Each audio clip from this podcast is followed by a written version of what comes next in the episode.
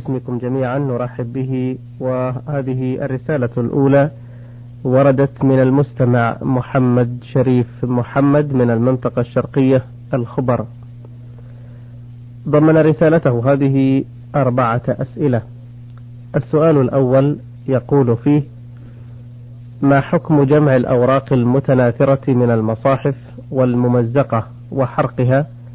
وحتى لا تتعرض للامتهان وهل الأفضل في ذلك حرقها أم دفنها كما هي؟ بسم الله الرحمن الرحيم. الحمد لله رب العالمين وأصلي وأسلم على نبينا محمد وعلى آله وأصحابه أجمعين. لا أحد من المسلمين يشك أن القرآن الكريم يجب على المسلم احترامه وتعظيمه ومنع تعرضه للإهانة نعم. وهذه الأوراق الممزقة التي سأل عنها السائل والتي لا يمكن أن ينتفع بها بقراءة له فيها طريقتان. الطريقة الأولى أن يدفنها في مكان نظيف طاهر لا يتعرض للإهانة في المستقبل حسب ظن الفاعل. والثانية الطريقة الثانية أن يحرقها وإحراقها جائز لا بأس به فإن الصحابة رضي الله عنهم لما وحدوا المصاحف على حرف قريش في عهد عثمان رضي الله عنه أحرقوا ما سواها أحرقوا ما سوى هذا الموحد وهذا دليل على جواز إحراق المصحف الذي لا يمكن الانتفاع به. ولكني أرى أنه إذا أحرقها فليدقها حتى تتفتت وتكون رمادا. ذلك لأن المحرق من المطبوع تبقى فيه الحروف ظاهرة بعد إحراقه. نعم. ولا تزول إلا بدقه حتى يكون كالرماد. نعم. أما إذا مزقت ف إذا مزقت يعني في أن تبقى فهذه طريقة ثالثة لكنها صعبة. نعم. يعني لأن التمزيق لا بد أن يأتي على جميع الكلمات والحروف وهذه صعبة. إلا أن يوجد آلة تمزق تمزيقا دقيقا جدا نعم. بحيث لا يبقى لا تبقى صورة الحرف فتكون هذه طريقة ثالثة. وجائزة. نعم. آه، سؤاله الثاني يقول ما حكم قضاء الرجل الحاجة قائما؟ وهل ثبت عن النبي صلى الله عليه وسلم أنه فعل ذلك؟ حكم قضاء الرجل الحاجة خاصة البول قائما لا بأس به لكن بشرطين. نعم. الشرط الأول أن يأمن من التلوث بالبول. والشرط الثاني أن يأمن من ناظر ينظر إليه. وقد ثبت عن النبي صلى الله عليه وسلم من حديث حذيفة رضي الله عنه أن النبي صلى الله عليه وسلم أتى سباطة قوم السباطة الزبالة نعم. فبال قائما صلى الله عليه وسلم. وعلى هذا فلا يكون البول قائما محرما كما يفهمه كثير من العامة. ومن العجائب أن العامة كما قيل إن العوام هوام أنهم ينكرون إنكارا بالغا أن يبول الإنسان قائما ولكنه يهون عليهم أن يبول الإنسان والناس ينظرون إلى عورته. ولهذا تجدهم لا يهتمون بهذا الأمر اهتماما كبيرا. والذي ينبغي للإنسان أن يستتر عن الأعين حتى ببدنه أما بعورته فيجب أن يكون ساترا لها عن الأعين. فإذا كان الإنسان يبول في صحراء أو يتغوط في صحراء فإن الأفضل أن يبعد حتى يتوارى عن الناس إما بشجرة أو أكمة أو واد أو نحو ذلك. هذا من الآداب الشرعية. نعم. وأما الاستتار عن الأعين بالنسبة للعورة فهو أمر واجب لا بد منه أه سؤال وبهذه المناسبة نعم. أود أن أنبه إلى أنه ثبت عن النبي عليه الصلاة والسلام من حديث أبي أيوب الأنصاري رضي الله عنه أن النبي أنه قال عن النبي صلى الله عليه وسلم لا تستقبلوا القبلة بغائط ولا بول ولا تستدبروها ولكن شرقوا أو غربوا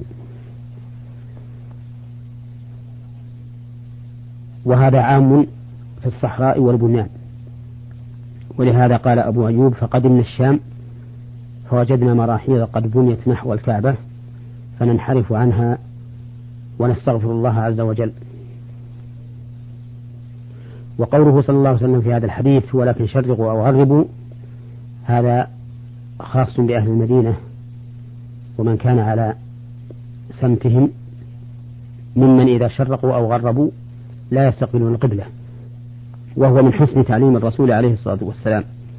فإنه كان من هدي الرسول صلى الله عليه وسلم أنه إذا ذكر شيئا ممنوعا فتح للأمة الباب الجائز حتى لا توصد الأبواب أمامها. وهذا هو أيضا طريقة القرآن. كما قال الله تعالى يا أيها الذين آمنوا لا تقولوا راعنا وقولوا انظرنا واسمعوا. لما نهاهم أن يقولوا راعنا فتح لهم القول الجائز وقولوا انظرنا. وكذلك ثبت عن النبي عليه الصلاة والسلام في قصة التمر الذي جاء به بلال إليه وكان تمرا جيدا فقال له أكل تمر خيبر هكذا؟ قال لا ولكننا نأخذ الصاع من هذا بالصاعين والصاعين بالثلاثة. فقال الرسول عليه الصلاة والسلام لا تفعل ولكن بيع الجمع بالدراهم ثم اشتري بالدراهم جنيبا. فلما ذكر له الممنوع فتح له الجائز. وهكذا ينبغي لكل داعية يدعو إلى الله عز وجل. يأمر الناس وينهاهم. إذا نهاهم عن أمر منكر أن يفتح لهم الباب الجائز من نوعه حتى يلج الناس منه. عودا على الحديث الذي أشرت إليه. يقول النبي عليه الصلاة والسلام ولكن شرقوا أو غربوا. نعم. ولكن قد ثبت في في الصحيحين من حديث ابن عمر أنه قال رقيت يوما على بيت حفصة فرأيت النبي صلى الله عليه وسلم يقضي حاجته مستقبل الشام مستدبر الكعبة. وهذا يدل على أنه إذا كان في البنيان فإنه يجوز استدبار الكعبة فيبقى النهي عن استقبالها قائما غير مخصص وعلى هذا فإذا بنى الإنسان له بيتا فإنه يجب أن يلاحظ هذه المسألة بحيث لا تكون وجوه الجالسين على قضاء الحاجة مستقبلة القبلة بل تكون القبلة عن أيمانهم أو عن شمائلهم وهذا هو الأفضل أو عن أدبارهم أما استقبالها فلا يجوز لا في نعم. الفضاء ولا في البنيان نعم. أحسن الله إليكم. آه، سؤاله الثالث يقول يقوم بعض مدراء المدارس بجمع مبالغ نقدية من الطلبة للمساهمة في فتح ما يسمى بالمقصف لتقديم بعض المأكولات الخفيفة والمشروبات وبعض اللوازم المدرسية للطلاب على أن يوزع الأرباح في آخر العام بين الطلبة. ولكن ما يثير شكي في هذا الموضوع أن بعضهم يحدد للطلاب ربحا معينا فيقول مثلا الذي يدفع عشرة ريالات يأخذ آخر العام خمسة عشر أو عشرين فما الحكم في هذا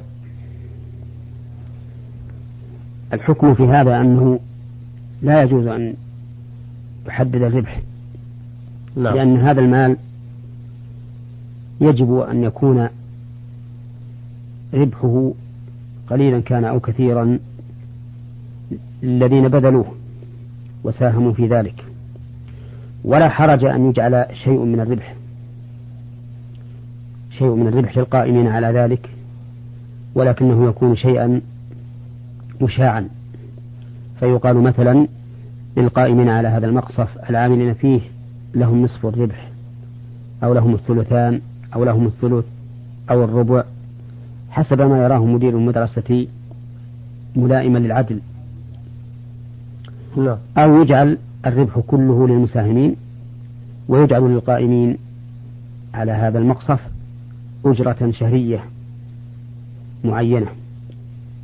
وأما أن يجعل ربح معلوم بالتعيين لا بالإشاعة للمساهمين فإن هذا لا يجوز. وذلك لأن المقصف قد يربح بقدر هذا الجزء المعين وقد يربح أكثر وقد يربح أقل. وهذه معاملة مبنية على الخطر وكل معاملة مبنية مبنية على الخطر فإنها تكون من الميسر الذي قال الله تعالى فيه يا أيها الذين آمنوا إنما الخمر والميسر والأنصاب والأزلام رجس من عمل الشيطان فاجتنبوه لعلكم تفلحون. نعم. سؤاله الأخير يقول ما حكم البدء بالأعضاء الشمال قبل اليمين في الوضوء؟ وهل الصلاة التي أديت بوضوء على هذا النحو صحيحة أم تجب إعادتها؟ البداءة بالشمال قبل اليمين في الوضوء في غسل اليدين والرجلين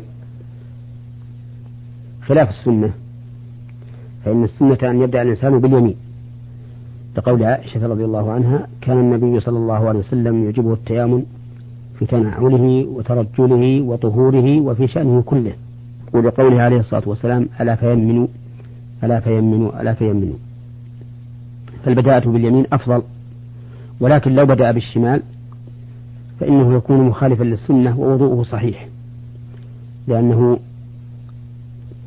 لم يدع شيئا واجبا في الوضوء وترك السنن العبادات لا يوجب فسادها وإنما يوجب نقصها. وكلما كانت العبادة أكمل كان أجرها أعظم. والحاصل أن هذا الرجل الذي بدأ بشماله قبل يمينه في وضوءه وضوءه صحيح وصلاته التي صلاها بهذا الوضوء صحيحة. نعم. حتى لو كان متعمدا لم يكن ناسيا. نعم. ولو كان متعمدا لأنه كما قلت سنة. سنة وليس بواجب. نعم. بارك الله فيكم. هذه رسالة من الأخوين يونس ومحمد ابني صالح بن سالم التوبي من سلطنة عمان. يقولان في سؤالهما الأول نحن نعلم علم اليقين أن الإسلام حرم الشعوذة وحاربها ولكن يحدث أحيانا أن يصاب شخص ما بأحد الأمراض فيراجع كل الأطباء المختصين بذلك المرض ولكن دون جدوى. وأخيرا يقال له إننا لم نعرف هذا الداء من قبل وليس عندنا له دواء إلى أن يزداد عليه المرض أكثر فأكثر. وأخيرا يقرر أن يذهب لأحد المنجمين مع أنه يعلم أن ذلك حرام. ففعلا ذهب وما هي إلا أيام حتى برئ بحمد الله. فما رأيكم في مثل هذه الأحوال؟ رأينا في هذه الأحوال أن السائل حكم على نفسه بأنه فعل محرما. لا. لأنه ذكر أنه يعلم أنه حرام. وأن الإتيان إلى إلى الكهان والمنجمين محرم. وإذا كان محرما فإنه لا يجوز للإنسان أن يذهب إليهم. لأن الله تعالى لم يجعل شفاء هذه الأمة فيما حرم عليهم. والواجب على هذا الذي فعل ما فعل. الواجب عليه أن يتوب إلى الله سبحانه وتعالى من هذا العمل وأن يكثر من الاستغفار والتوبة والعمل الصالح. لعل الله سبحانه وتعالى أن يعفو عنه. ومن أصيب بمثل هذه الأمور فإن له طريقا مفيدا جدا بل هو أفيد الأشياء. نعم. لمن وفق له.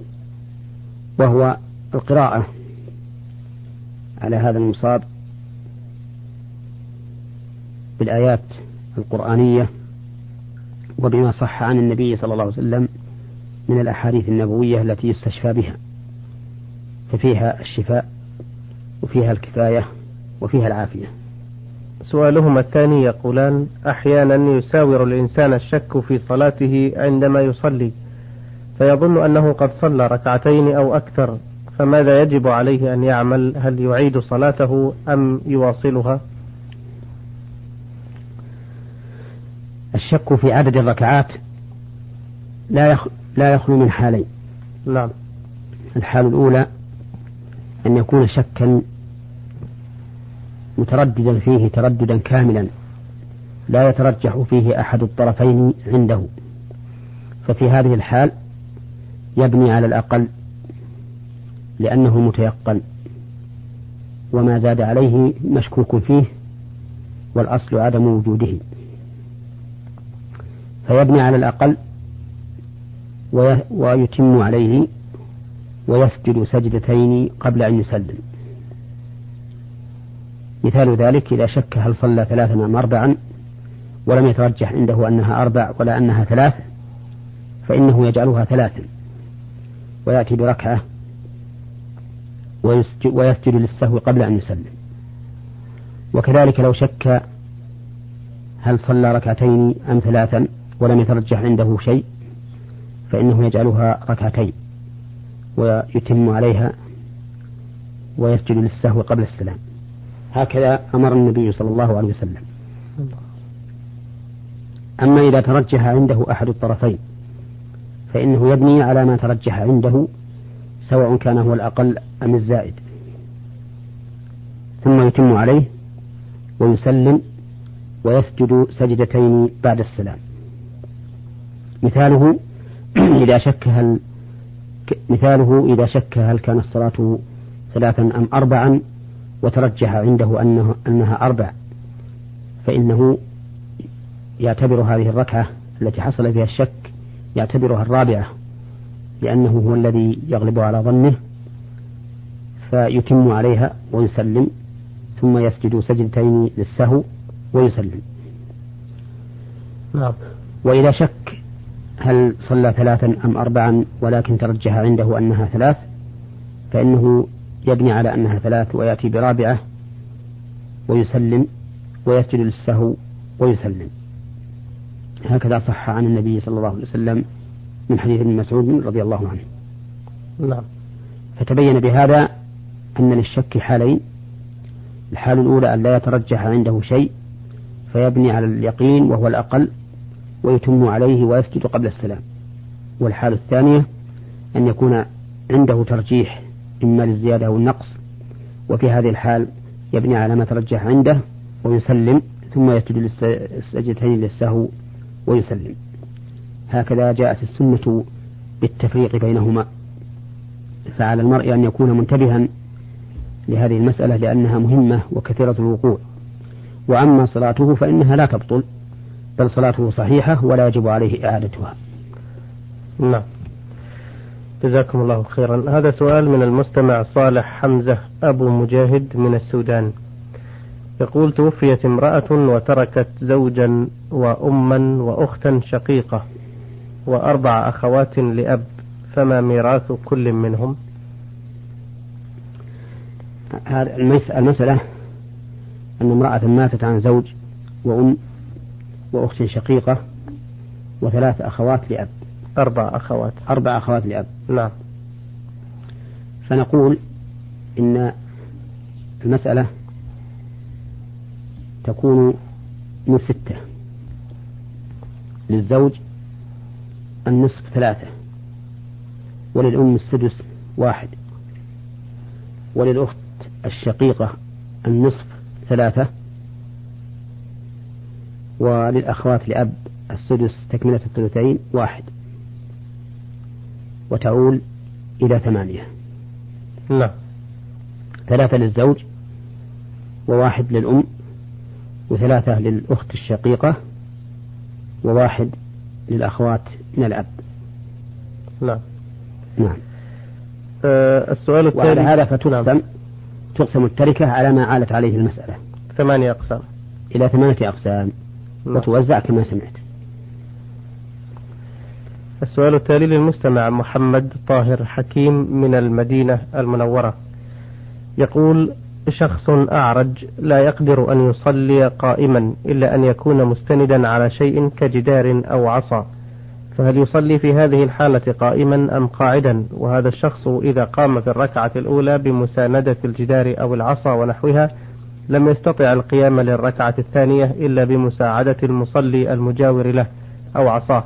فهل يجب عليه القيام في الصلاة في غير الركعة الأولى أو يجوز له الصلاة قعودا فيها؟ وهل يجوز لمثل هذا الشخص أن يصلي كل صلاته قعودا أم لا؟ وكيف نحدد المشقة التي تبيح للرجل الصلاة قاعدا؟ الجواب على هذا السؤال ينبني على ما علم من القاعدة الشرعية العظيمة الأصيلة في هذه الشريعة وهي اليسر والسماحة والسهولة المبني على قوله تعالى لا يكلف الله نفسا إلا وسعها وعلى قوله تعالى فاتقوا الله ما استطعتم وعلى قول النبي صلى الله عليه وسلم إذا أمرتكم بأمر فأتوا منه ما استطعتم. والصلاة قائما واجبة في صلاة الفريضة أو على الأصح القيام في الصلاة فرض في صلاة الفريضة دون النافلة. وإذا كان فرضا وجب على المرء أن يقوم به ما استطاع. وقد ثبت في الصحيحين عن رسول الله صلى الله عليه وسلم أنه قال لعمران بن حصين صل قائما فإن لم تستطع فقاعدا فإن لم تستطع فعلى جنب. فنقول لهذا الرجل إذا كنت تستطيع أن تصلي قائما ولو معتمدا على عصا أو جدار فإنه يجب عليك أن تصلي قائما في الركعة الأولى. وكذلك في الركعة الثانية يجب عليك أن تصلي قائما ولو كنت معتمدا على العصا حين القيام لأن ذلك باستطاعتك. وكذلك في الركعات التي بعد الثانية إذا كانت الصلاة أكثر من ثنتين. وأما القدر الذي يبيح أن يصلي الرجل قاعدا فهو المشقة. مثل أن يتعب تعبا شديدا يذهب به الخشوع وحضور القلب إذا صلى قائما أو مثل أن يكون فيه دوخة إذا قام داخ وسقط وما أشبه ذلك فإنه حينئذ يكون معذورا. يسوغ له أن يصلي قاعدا. لا. وإذا صلى قاعدا فإنه يكون متربعا في حال القيام وفي حال الركوع ويومئ بالركوع. وإذا سجد فإنه يسجد على الأرض ويجلس بين السجدتين وفي التشهد كما يجلس في العادة. لكن في حال القيام أعني آه، القعود في حال القيام أو في حال الركوع الركوع يكون متربعا. فإن لم يتيسر له التربع صلى بحسب حاله. نعم, نعم. أحسن الله إليكم. السؤال الثاني يقول ما الأفضل بالنسبة لمسافر القصر الذي سوف يصل إلى مكان إقامته قبل انتهاء وقت صلاة الظهر مثلا؟ هل الأفضل له أن يصلي صلاة الظهر في سفره بقصر أم يصليها مكان إقامته بإتمام؟ وأيضا ما الأفضل لمسافر القصر الذي سوف يصل إلى مكان إقامته قبل انتهاء وقت العصر؟ هل الأفضل له أن يجمع بين صلاتي الظهر والعصر في سفره أم الأفضل أن يصلي صلاة الظهر في سفره قصرا ويصلي العصر في مكان إقامته؟ هاتان مسألتان. المسألة الأولى إذا دخل وقت الصلاة صلاة الظهر على هذا المسافر وهو في السفر ولكنه يغلب على ظنه أن يصل إلى بلده قبل أن يخرج وقت صلاة الظهر. نعم. فهل الأفضل أن يصلي صلاة الظهر أو الأفضل أن يؤخرها حتى يصل إلى بلده؟ نقول إذا كان ذلك في, شد في شدة الحر فإن الأفضل أن يؤخرها حتى يصل إلى بلده لأن الأفضل في شدة الحر تأخير صلاة الظهر. لقول النبي صلى الله عليه وسلم إذا اشتد الحر فأبردوا بالصلاة. يعني صلاة الظهر فإن شدة الحر من فيح جهنم. نعم. وأما إذا لم يكن ذلك في شدة الحر فإن الأفضل أن يصلي صلاة الظهر إذا دخل وقتها ولو كانت قصرا في السفر. لأن تقديم صلاة الظهر في غير شدة الحر أفضل. هذه هذا هو الجواب عن المسألة الأولى. أما المسألة الثانية وهي إذا دخل عليه وقت الظهر وهو في السفر فهل يجوز أن يجمع إليها صلاة العصر؟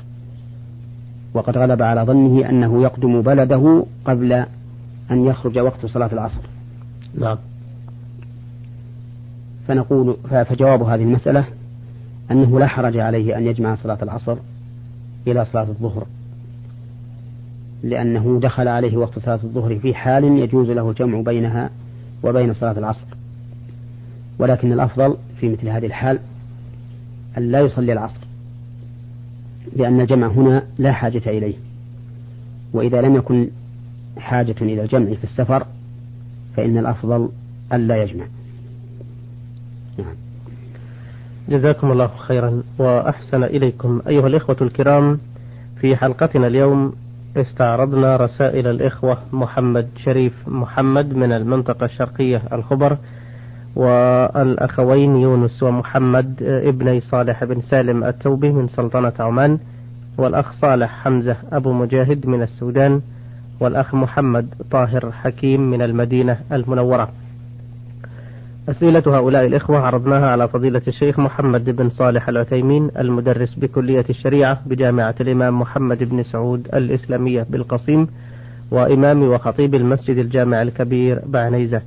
فنشكره جزيل الشكر على إجابته كما نشكركم أيضا على حسن المتابعة وإلى اللقاء والسلام عليكم ورحمة الله وبركاته. نور على الدرب. برنامج يومي يجيب فيه أصحاب الفضيلة العلماء على أسئلة المستمعين الدينية والاجتماعية. البرنامج من تقديم وتنفيذ أحمد عبد العزيز الغامدي.